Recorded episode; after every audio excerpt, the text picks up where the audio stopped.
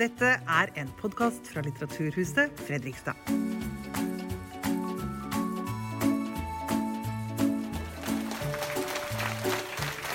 Vi skal eh, ta for oss et ganske stort tema, eh, men også et veldig viktig tema. Fordi, eh, fordi en dag så skal eh, krigen i Ukraina være over.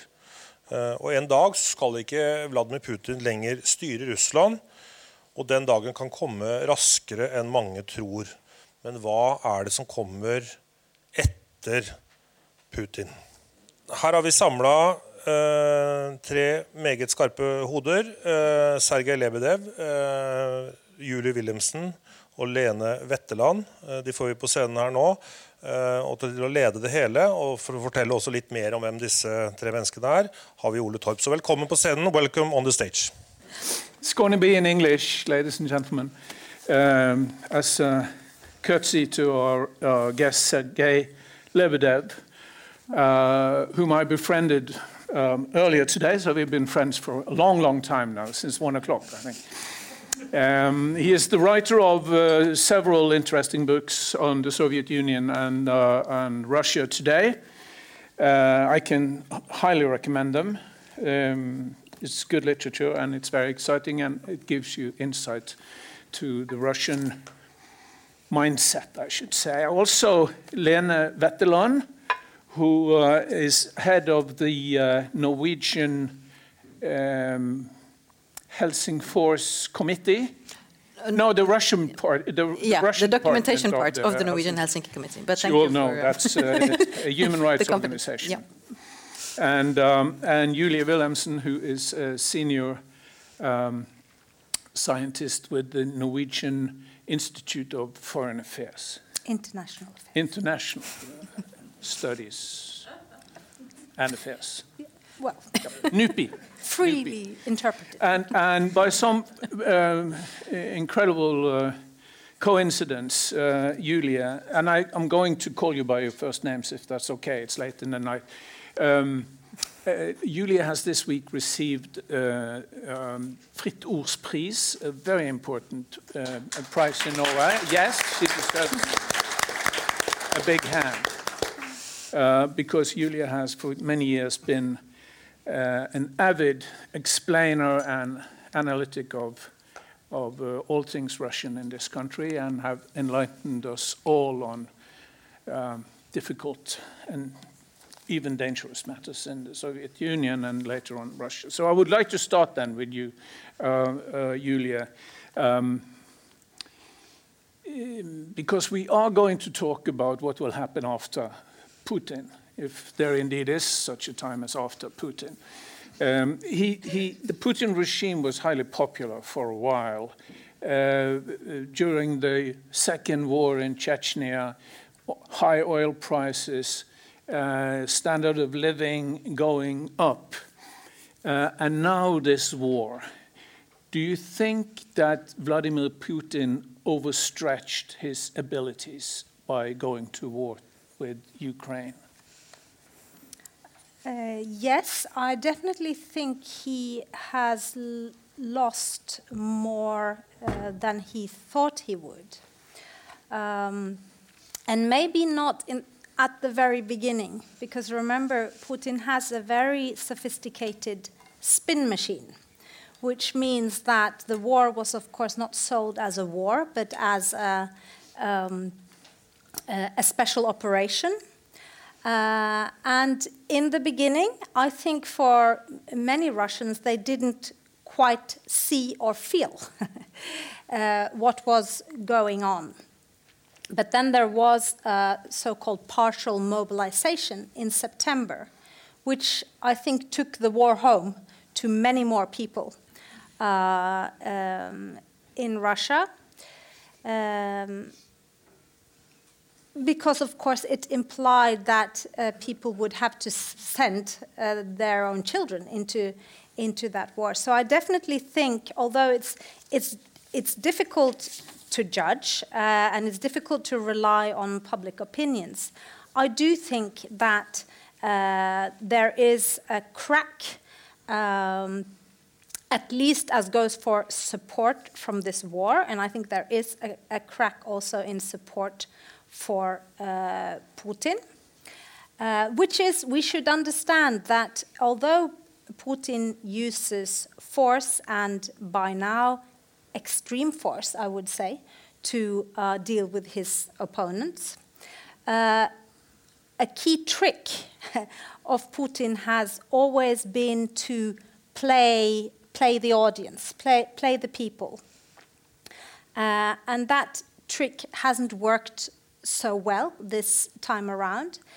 And it's been the combination of working the opinion and also, as you rightly pointed to, you know, that life did get better. And after all, you know, material things matter for people. And security matters for people. But that part of the contract was in a, is in a way being lost now in relation to the people. Uh, because security, you know, if, if suddenly your son is being called into the army, you know, your, your security is, is threatened in a very different way. Uh, and although the Russian economy, you know, we thought the sanctions was really going to hit the Russian economy, turns out now it's, it's not so bad. But still, people are increasingly going to feel uh, that uh, the economic situation is deteriorating. So, in, in that way, the kind of social contract, or whatever you want to call it, with the, with the, the Russian people is not as stable as it was. So you're saying he's in, he's in, uh, in trouble with his home audience in the way that uh, people are disgruntled because he's sending the young kids to war as cannon fodder. He is in trouble with the elites, perhaps, at least with some of the elites. I think so. I mean, again, it's it's difficult uh, to to judge uh, how widespread it is, but I think that you know Putin has been a skillful navigator between different parts of the elites. And of course, what the Russians call as Siloviki, and which Sergei knows everything about, they have become more and more influential in Putin's regime. But you still have the part of the elites which you could name technocrats. Um, and there has been, although the, the balance has been tilted uh, in the direction of the Siloviki, the technocrats have still been there in the Putin state, and they have at times, you know, they've had their say. But this time around, I mean, this we know pretty well. Uh, most people did not know that this war was going to happen, to be unleashed in this way, even at the very top uh, of the Putin elite. They were, they were never asked. And of course, prioritizing this uh, all out war against Ukraine goes against uh, the interest of the, uh, the technocrats in trying to build uh, a viable Russian uh, state. And in the course of this year, with every you know, point where he could have chosen to act against the war party, against the Siloviki, and in favor of, you know, protecting the Russian economy or thinking, you know, with the technocrats, he has chosen to sideline the te technocrats. Mm. So my guess is there is no uh, big numbers of technocrats jumping ships saying, I'm not um, with you any longer, because, of course, this is the system they have built also. But that doesn't mean that he has their support. I'm pretty convinced he does not have their support in the same way. Uh, so that is uh, a big change. I, I, also think that another fraction, you could call it, which some name the culturalists, so the very messianistic imperialist type um, um, yeah, fraction in the top of the elites, they have been given, you know, they have, they have re really been given a, a, huge say, or Putin is one of them, let's say. Mm. And that, I think, also alienates quite many in the Putin state. I don't, I don't think that type of thinking is actually. Um, so very th quickly. They align with it. So, so very quickly, will this regime crack? I don't think so. You don't think so? No, but it, it, it's, uh, it's, uh, um, it has become a different type of uh, regime in the course of this year, in the sense that, uh, and this we know, you know, there is, there is, there, it's no longer so that people quite high up are asked, you know, okay, so we can do this, that, or that. What would you advise? There is no such discussion going on There's any or- longer. there are It's orders. a there are orders, you know, pay up. Uh, and also to the regions, to the, to the governors. So many soldiers, this amount of uh, material resources. So, but I, un- unfortunately, I'm, that's why I'm kind of critical to the title. You know, we need to talk about Russia after Putin, because I was asking myself this question When will half a year ago. I was thinking, you know, could we see the cracks also because the regions were kind of starting to move? But now Okay, not I no, I th- I'm sorry. Uh, I wish it were such, but I think it's going to, to take a long, long time, and it's it's a complicated, it's a it's a it's a complicated task Hmm. um, to try to oppose in this situation. But then again, Lena, uh, uh, we've seen before in the Russian society that there have been changes, and um, many of us never believed that there could be such a thing as the downfall of the uh, of the German wall uh, between East and West. We never thought there would be perestroika or, uh, and things like that. Uh, but still, it happened. Do you think it could happen again? Uh, I'm working in a human rights organization supporting civil society in all of the former Soviet Soviet Union countries. So I have to believe in this. You're Uh, obliged. to I'm obliged to. And I do that because I do actually believe in it. But I, I call myself uh, a realistic optimist or an optimistic realist because I know it will take time. But um, like a dear colleague of mine used to say, the, uh, the, the toothpaste is out. So it's slowly going out and you can't push it back. There is a sense of freedom, there is a sense of change, there is a sense of are they really telling us the truth? My fridge is emptier than I see on the television, than, than we are told. And there are people who are talking about change, and more people are doing it, and those who are doing it are more vocal. And because of that, there is more uh, repression as well from, from the government because they see that something is happening. Um, those, the largest part of the population is, is passive, and that's what they have been told over many years to be. Uh, don't trust anything, don't do anything, just protect you uh, and your family, and, and don't rock the boat. Um, but there are parts that are actually trying to, to speak up and do and, and do change. And they are more, and they are slowly, slowly spreading. But it will take a lot of time. Um, yeah.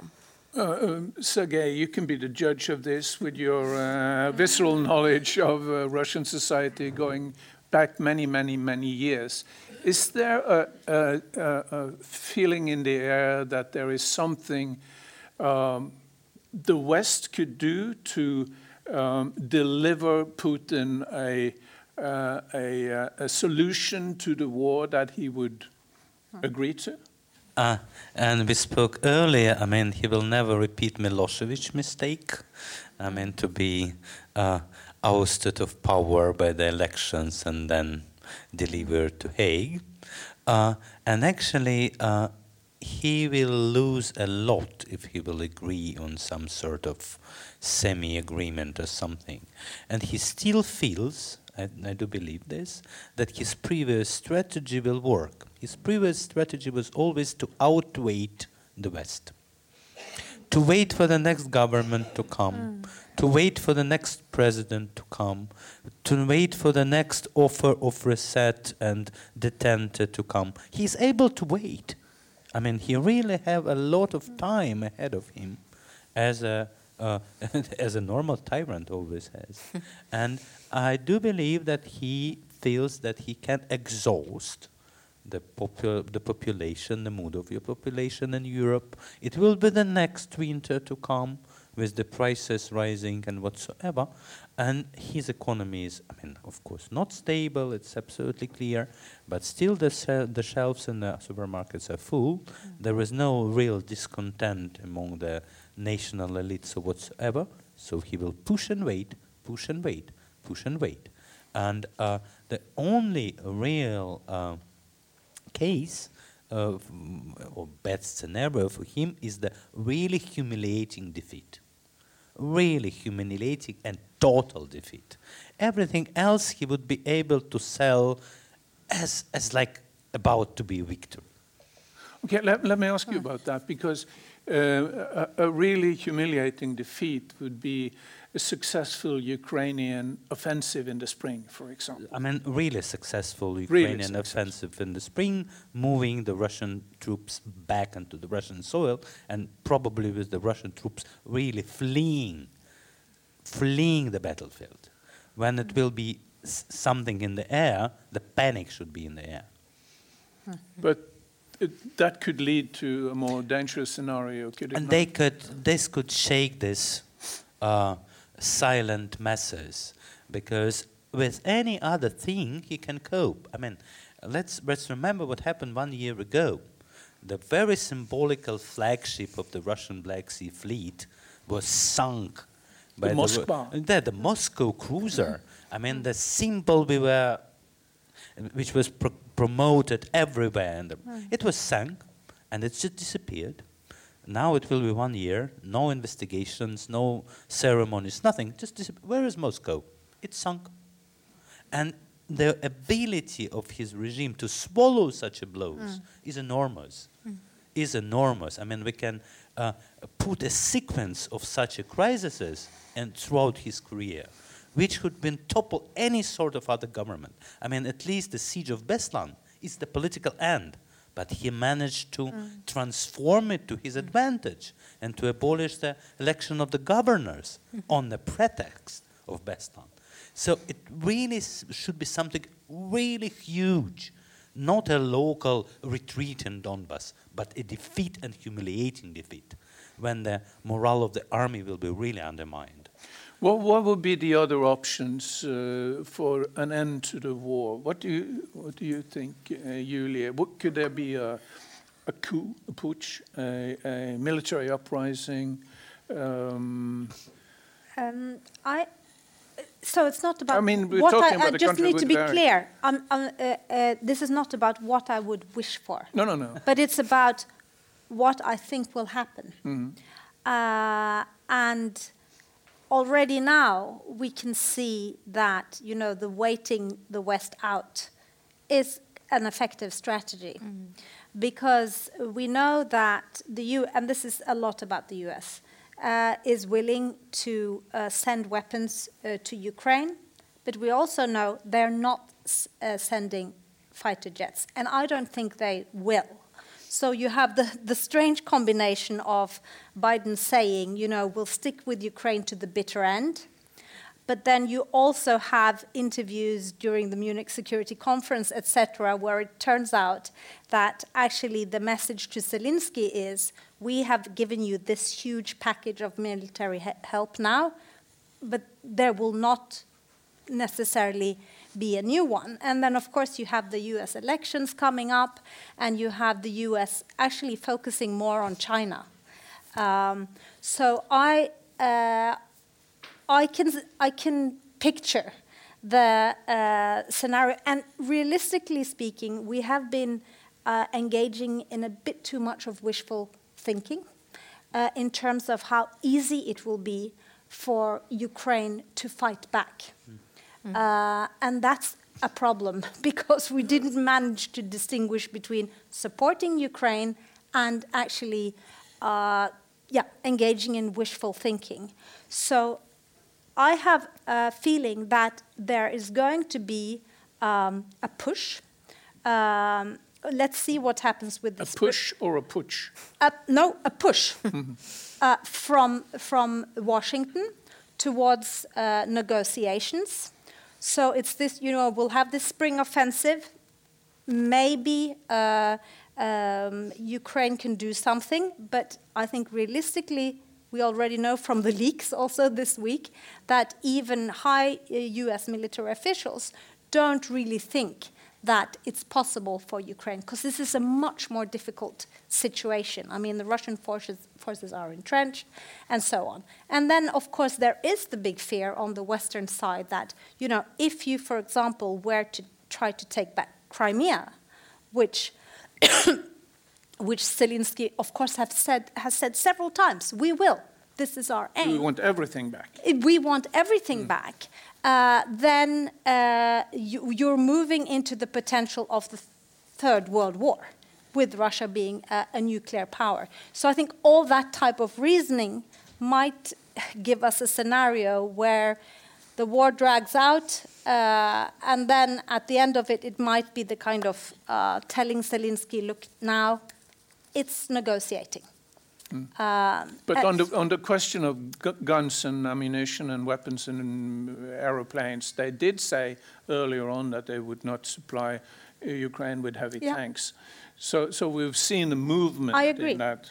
a So we gliding don't scale. know. And we know that in, in the US administration, for example, there are voices like Victoria Nuland who, who is you know, supporting, you know, give them whatever they need. But Yeah. we also know that there are quite many voices who are not, um, who don't favor that. Uh, we also know that they say that even if they supply them now, Yeah. these jets will be really operational in the battlefield in a year and a half. absolutely. Okay. So Which there's not that- the know-how on the Ukrainian side. hmm, to But if we look to the other track then, and here's a fisherman's friend for you, if you, uh, Great. I noticed you Thanks. had a problem with tra- No, you're not supposed to give them to everybody. Yeah, that was me who had the. Sorry, I took just one. kidding. I needed it as well. Yeah, yeah, just kidding. Okay, if we try to look into the other option, that Washington will say to Kiev, uh, listen, um, enough is enough. We'll have to, to, um, to negotiate. What would it take for Russia to grab that opportunity? I think it's it, you're right. It's a matter of how can you know how can Putin Putin sell it? What can he manage uh, to to sell to his home uh, audience?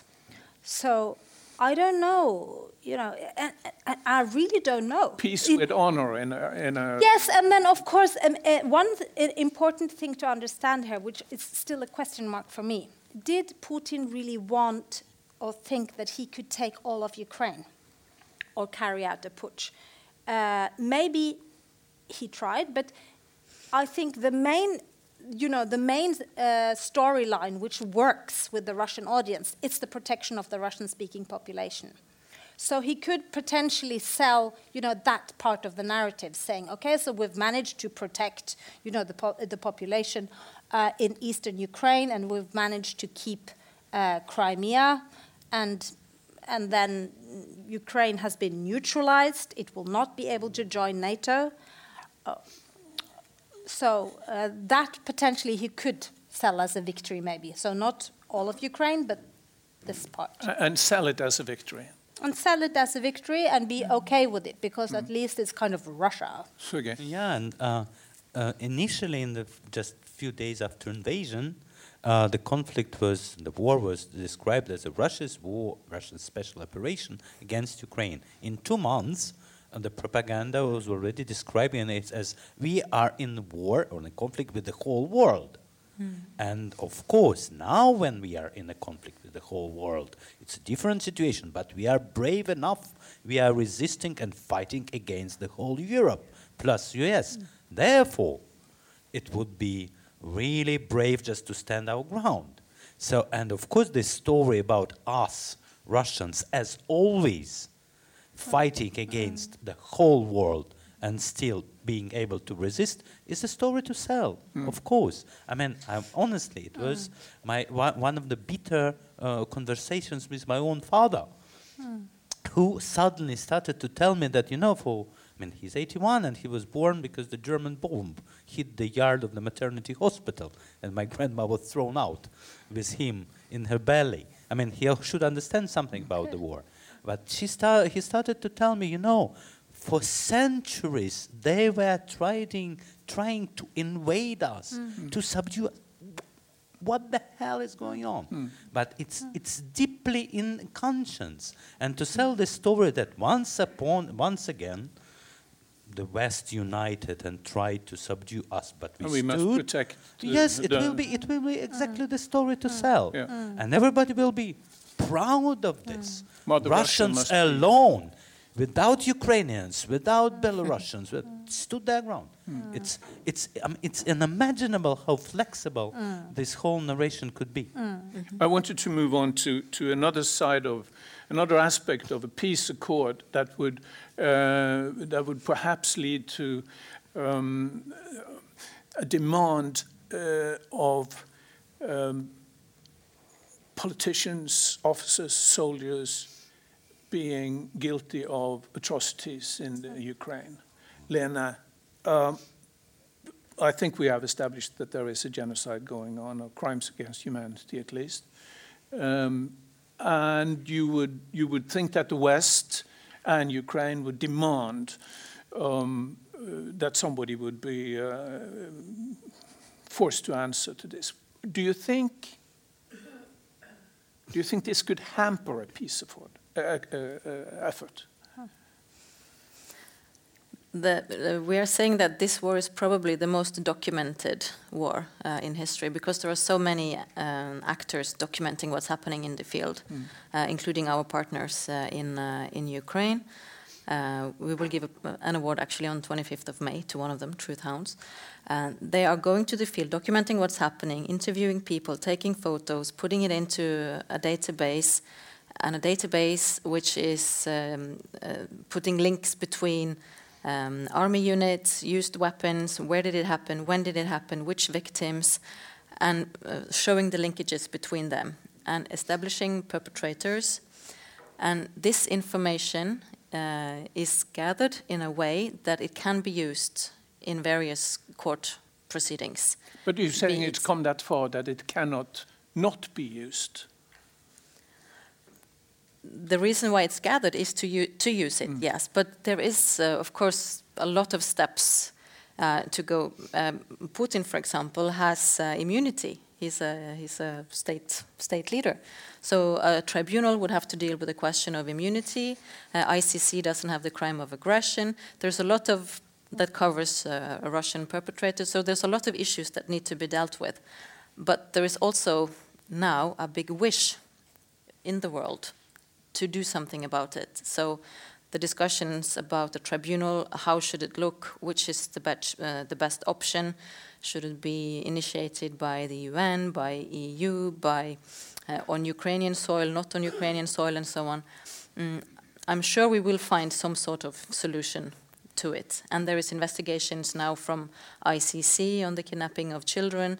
There is also the uh, Moscow mechanism through the um, Organization for Security and Cooperation in, in Europe, where Cecilia Hellestveit from Norway is a, is a central actor. So there's different investigation procedures going on on various insti- uh, international institutions uh, as well. So the difference now, I think, is that there is a wish that there will be someone held accountable. But I agree with you. The the the likelihood that Putin will be arrested, sent to, to The Hague. We were joking that he should go to Armenia before Armenia really changes sides and just come here for, for a break, have some. um, But my question still remains: Should we, should we in any way? I mean, uh, we're talking about the lesser of two evils here. Uh, should we be more lenient, or should the West be more lenient towards uh, Russia to um, um, to accomplish some sort of uh, peace or uh, armistice? To show them that we are stretching out uh, an olive branch. Yeah, no, so that's kind of a choice.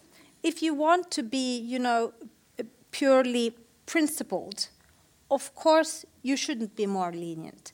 But there's a dilemma there. Because if the war uh, drags out and more and more people die, then it's, it comes to a point, often in a war, where you say, okay, so this will be an extremely unfair compromise. And you will get, uh, you will have to give uh, the aggressor uh, some of what Something. he, he has taken. Um, so, so it's a, it's a kind of, you know, it's a dilemma. Uh, and, and, and in the beginning, that didn't look like a dilemma at all. But uh, if you look at wars in other places of the world, it becomes more and more of a dilemma if the human cost is very, very high. And you're saying that even though history has shown that Russia is able to absorb enormous uh, uh, losses on the battlefield. and, it, and, and it Russia like is, is, is, is capable of that. It's, it's actually, and here it's also a matter of pure numbers. I mean, Russia, Russian population is three times as much, as many as, as Ukraine, and uh, with a leader who is willing to just throw untrained soldiers into that battlefield in the way that Putin is. And we I mean, agree that he So, in a way, in a cynical way, that's even an advantage then, compared to Ukraine, uh, Zelensky, uh, and also, of course, um, a- different look uh, uh, from the West. How many, you know, to, what kind of a human catastrophe can we uh, uh, can we carry? Um, hmm. So I, Sergei, I'm just saying there's there's uh, it's a there's a dilemma coming up, Absolutely. which hasn't seemed so big, but which is going to look bigger and bigger the longer the war takes. Do you agree, Sergei? I would say that the question of armistice and the question of justice are in the different baskets. Okay. Um, because the armistice, if it will be one in place, will be signed with the Putin's regime.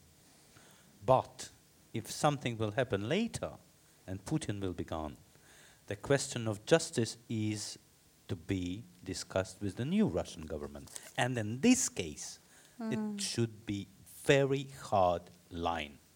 I think you have to explain that one more time. I'm, I I- mean, if there is an I mean, there is no idea of talking about justice with the main perpetrator. At least, okay, he can give you some uh, few officers who committed something in the field, Hmm. as it was in the Chechen case, for example. Mm-hmm. Several Russian officers were unwillingly punished for the military crimes. But if Put- Scapegoats. yeah, but if Very Putin few, will very few. if Putin will, f- very few, as we know, and unwillingly, even the uh, unwillingly. So, but if Putin will fail or will be gone, the new government should face the very hard line on the on the justice and the military crimes. Okay, and the only question why sanctions could be lifted if Russia accepts the, uh, the, the, the authority of the Russian tribunal and gives up the main perpetrators. Okay. And this case, it's a very hard line, but it's after. But you told me something earlier today, Sergei, that, that um, Putin was uh, very interested, almost uh, um, dramatically interested in the, in the, in the fates of uh, earlier dictators in the world. Do you think he has some sort of, is there a death wish here somewhere? Sorry?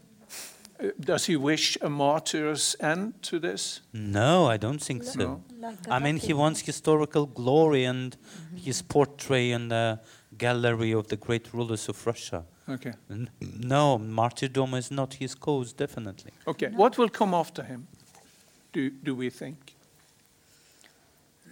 Is there someone more human, more interested in uh, um, um, good re- um, relations with the West that could possibly take over? Do we know of anybody? Or is there someone lurking in the, in a prison cell somewhere. yeah, some, some, somebody will- even worse? Uh, well, I don't think it, it will be the people in the prison cell. No, it will come later. Uh, it will come later, and uh, I mean, it's difficult to know. But I, I, as I said in further in this elite, there are uh, different people, uh, and at some point it just might be also advantageous to shift. um, so. Um, I think that's in a way the most realistic, and it's a bit like the Soviet Union. So Gorbachev appeared, you know.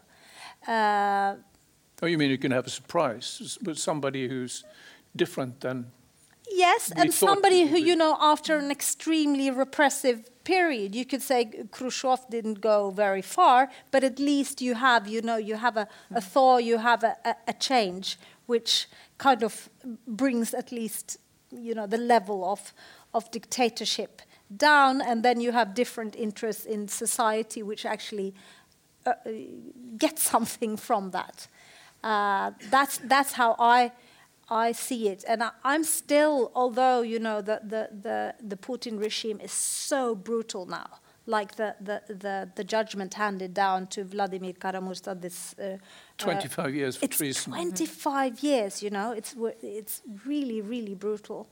Um, but, I'm still, I still, uh, and that's probably because, uh, you know, the, the Russian Federation is a huge uh, multi ethnic uh, mixture. I'm still extremely afraid of, you know, the kind of revolutionary uh, upheaval scenario.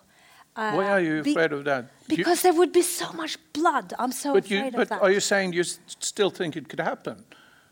No, and I don't think right now, at least, it cannot happen. Uh, I mean, there was some movements because in the beginning of the war, it turned out, as you probably all noticed, that quite a few of the soldiers who died were ethnic minorities. So there were Buryats, people from Dagestan, etc.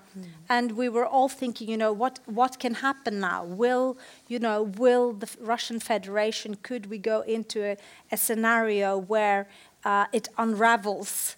Uh, uh, like the Soviet Union did, in a way, along ethnic lines. But you don't think But- ethnic. uh, But now, you know, when you look at what's happening, it's not what hap- what's happening. And the Northern Caucasus, where, wh- which is partly Muslim populated, which has been, you know, that's where the separatists have been in Chechnya and most of the Islamist movements, um, militant movements.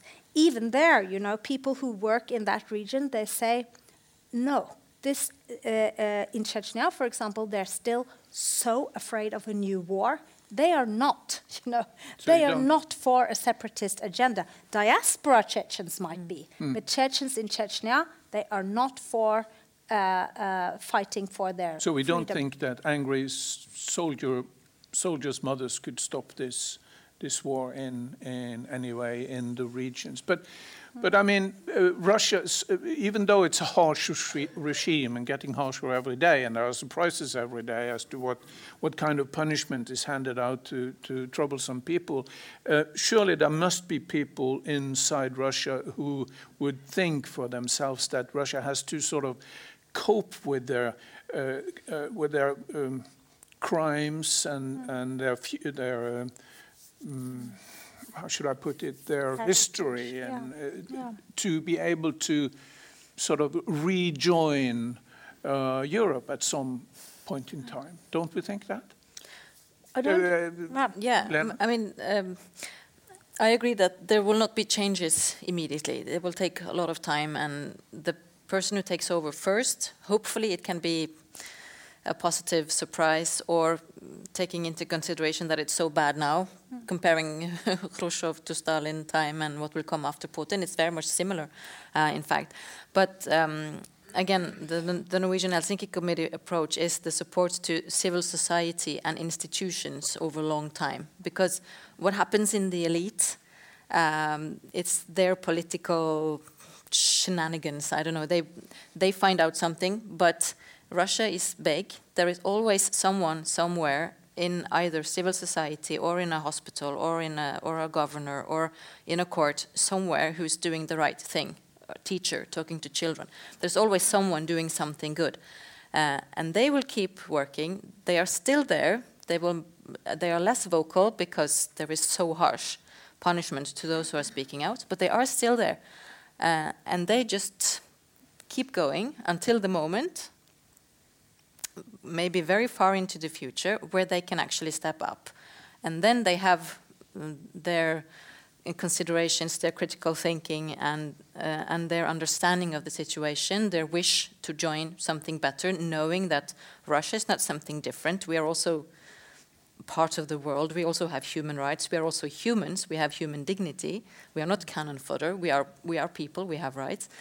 It will come at some point. It will take time, yes. And at the moment, the new leader is not, uh, is not there, not in prison. Navalny would not necessarily be a better option. Um, maybe everything is better than Putin, but then again, I don't know. But- uh, but um, But uh, the, the point is that that person has not been given the space to develop at the moment. There is no free press, there is no free uh, assembly, there is no free um, association. So where can that pe- person come from? They are eventually coming, but not in the very close uh, But future. uh, I'm I, I think I detected a wry A smile laugh. on your behalf. Smirk Uh, on the uh, side. sh- Should we fear that there could be someone worse? No, I mean, basically, you're describing the perestroika, I would say, with high hopes, with the very good people emerging. But the very painful lesson of perestroika is that the very people who, who should have been advocating the punishment of the Soviet crimes, namely the dissidents and the Democrats, were advocating absolutely different things. Were advocating that these people should go for the sake of humanity. And this circle, where it's not only this impu- the, sta- uh, the impunity of the state, this circle when even the most liberal minds are saying this punishment will be sort of a witch hunt. And I see the same tendencies right now within the Russian discussions. I see the same tendencies to let the perpetrators go. And I'm uh, actually asking myself the good people will emerge, the mm, teachers, the civil activists. Where will emerge those who can stand for the, who can morally stand for justice? for the cause of the per, uh, for the punishment for the perpetrators, and I don't see, see any visible real force who will advocate for this. Is, is that partly because we don't see the, uh, the sanctions have any bite, uh, at least not in the short run? I mean, if, if, if the sanctions, the economic sanctions against Russia would, would work on a short term. I mean, it's you uh, you thi- would- this demand comes not from the economical hardships. The German dissidents, East German dissidents, were demanding this bec- not because the the economical situation. no, I was is- thinking more of a popular, It- it- a popular uprising. No, it's, I mean, mm. the very demand for lustration measures in Eastern Germany was coming from Eastern German dissidents. Western Germany was trying to avoid this for any cost. It was East German who brought this case on the table. Mm. And in the same moment, the Soviet or the Russian dissidents were saying absolutely different. We should mourn or commemorate the victims, but we should not engage with the legal issue with the perpetrators. And how this mindset could be changed, I do not know. Uh, just a comment, because I think that is a misunderstanding in the West's engagement with Russia. Uh, that uh, the sanctions uh, that they function as a kind of punishing uh, weapon, and then uh, the reaction you get is, you know, we want to be good, we want to reform. That is a mis- misconception. Uh, my uh, observation, uh, observation would be, you know, colleagues who have fled, who are in a way dissidents, oppositionists, even they are, you know, sanctions. Hmm, they're quite skeptical. What does the West actually want? Why is the U.S. punishing, you know, all around the block in international politics with sanctions? Uh, Because it hits the ordinary people? Or? well, they, they're suspicious of the motives. So, what is the West? And that's another observation here. You know, the West used to be a kind of lead star. Uh, also, I think for, for uh, Russian journalists, for example. But the disappointment in the West uh, is, is pretty big. Uh, uh, among very many people, even you know the the, the, the good guys. Uh, so that's that's a problem for us. You know, if we're trying to uh, uh, help, then how do we do it? And we should understand that Putin's constant, you know, manipulation of the word Western double standards. Why does it work? It works because there are some double standards on our side, and many people agree with that. And that's why I just wanted to make a point uh, because you used the expression, so it's Russia against the rest, and you know why uh, will you will we most probably not have, have a huge process where uh, um, the Putin regime can be punished. That's because this is not about Russia and the West. No, this is not about Russia and the rest.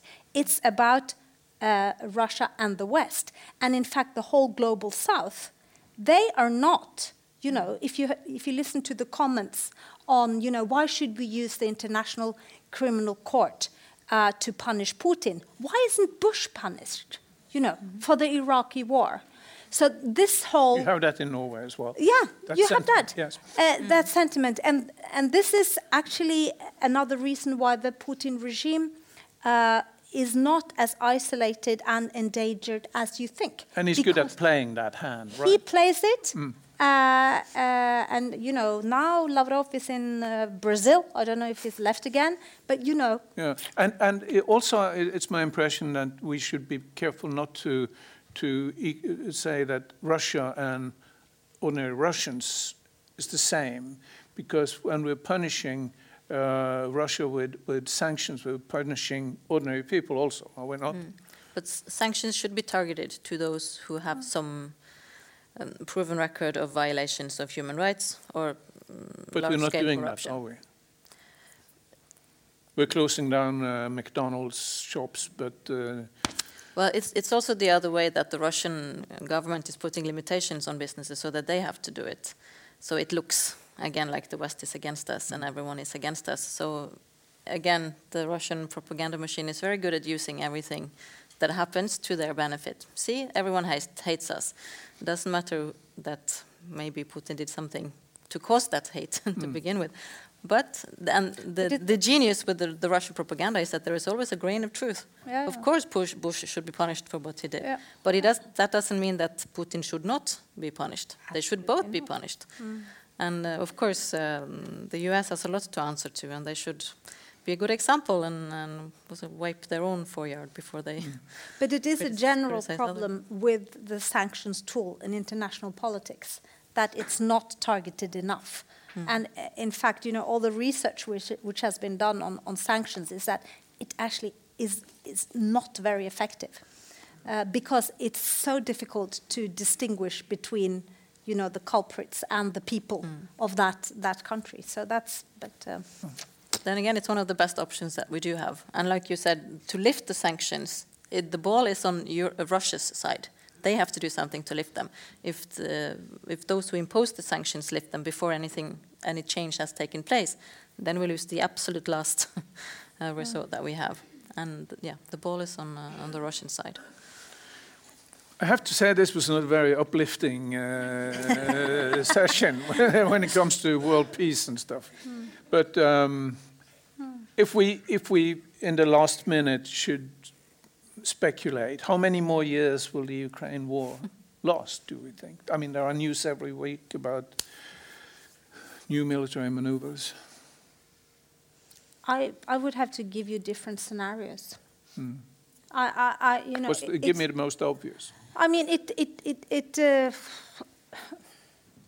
well, it's, it's that U.S. election, I think, which kind of makes it difficult to say that it will drag on, like in a way after 2014, when the war actually started in eastern Ukraine. It, I mean, it, it dragged on, and and nothing happened. So that that scenario is possible. But then I think because of the U.S. elections and because of the you know Chinese-U.S. conflict kind of gearing up, um, it might Uh, it might end within a couple of years.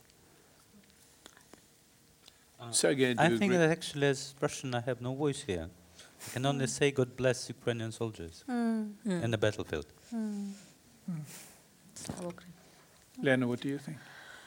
Uh, it's really not my, uh, my field, No, but still, um, but still, hard to say. Hard to say. Very hard Okay. to say. We should h- try to hold on to our optimism at least, but uh, With it- the, with the realism. with the realism. Mm, but Yes. I agree that it looks bleak right now, but as long as there is a there is a peace plan, and there are probably more peace plans than we know about, hmm. and perhaps we should treat the Chinese plan as a plan at least, hmm. although it has hmm. its flaws. So we shall just keep a close look. No, we don't have Can I time. add an optimistic note? Oh yes, that would be great. Because actually, and it struck me last year uh, um, uh, when Memorial, amongst others, got the um, Peace Prize. Memorial is a Russian human rights organization, and that is, you know, the very distinct dissident tradition which is something because it's kind of a lead star for people to uh, to be brave and endure uh, that uh, punishment which people have to go through in, in for example in Russia now. So that and that's something I question myself. If Norwegian society would have to go through that kind of pressure who would like Kara-Murza you know who would actually go to prison with those words would I uh, so that's in a way a resource uh, for for um, for Russia in some way. How you work from being a dissident movement to uh, creating a you know a political movement and the functioning state is of course a different question. But at least it's you know there's something to build on there. But it's really a question because previous in the previous iteration, let's say, Memorial failed to become a political movement, and mm. this is the problem mm. because the justice for the Soviet crimes was never raised as a political question.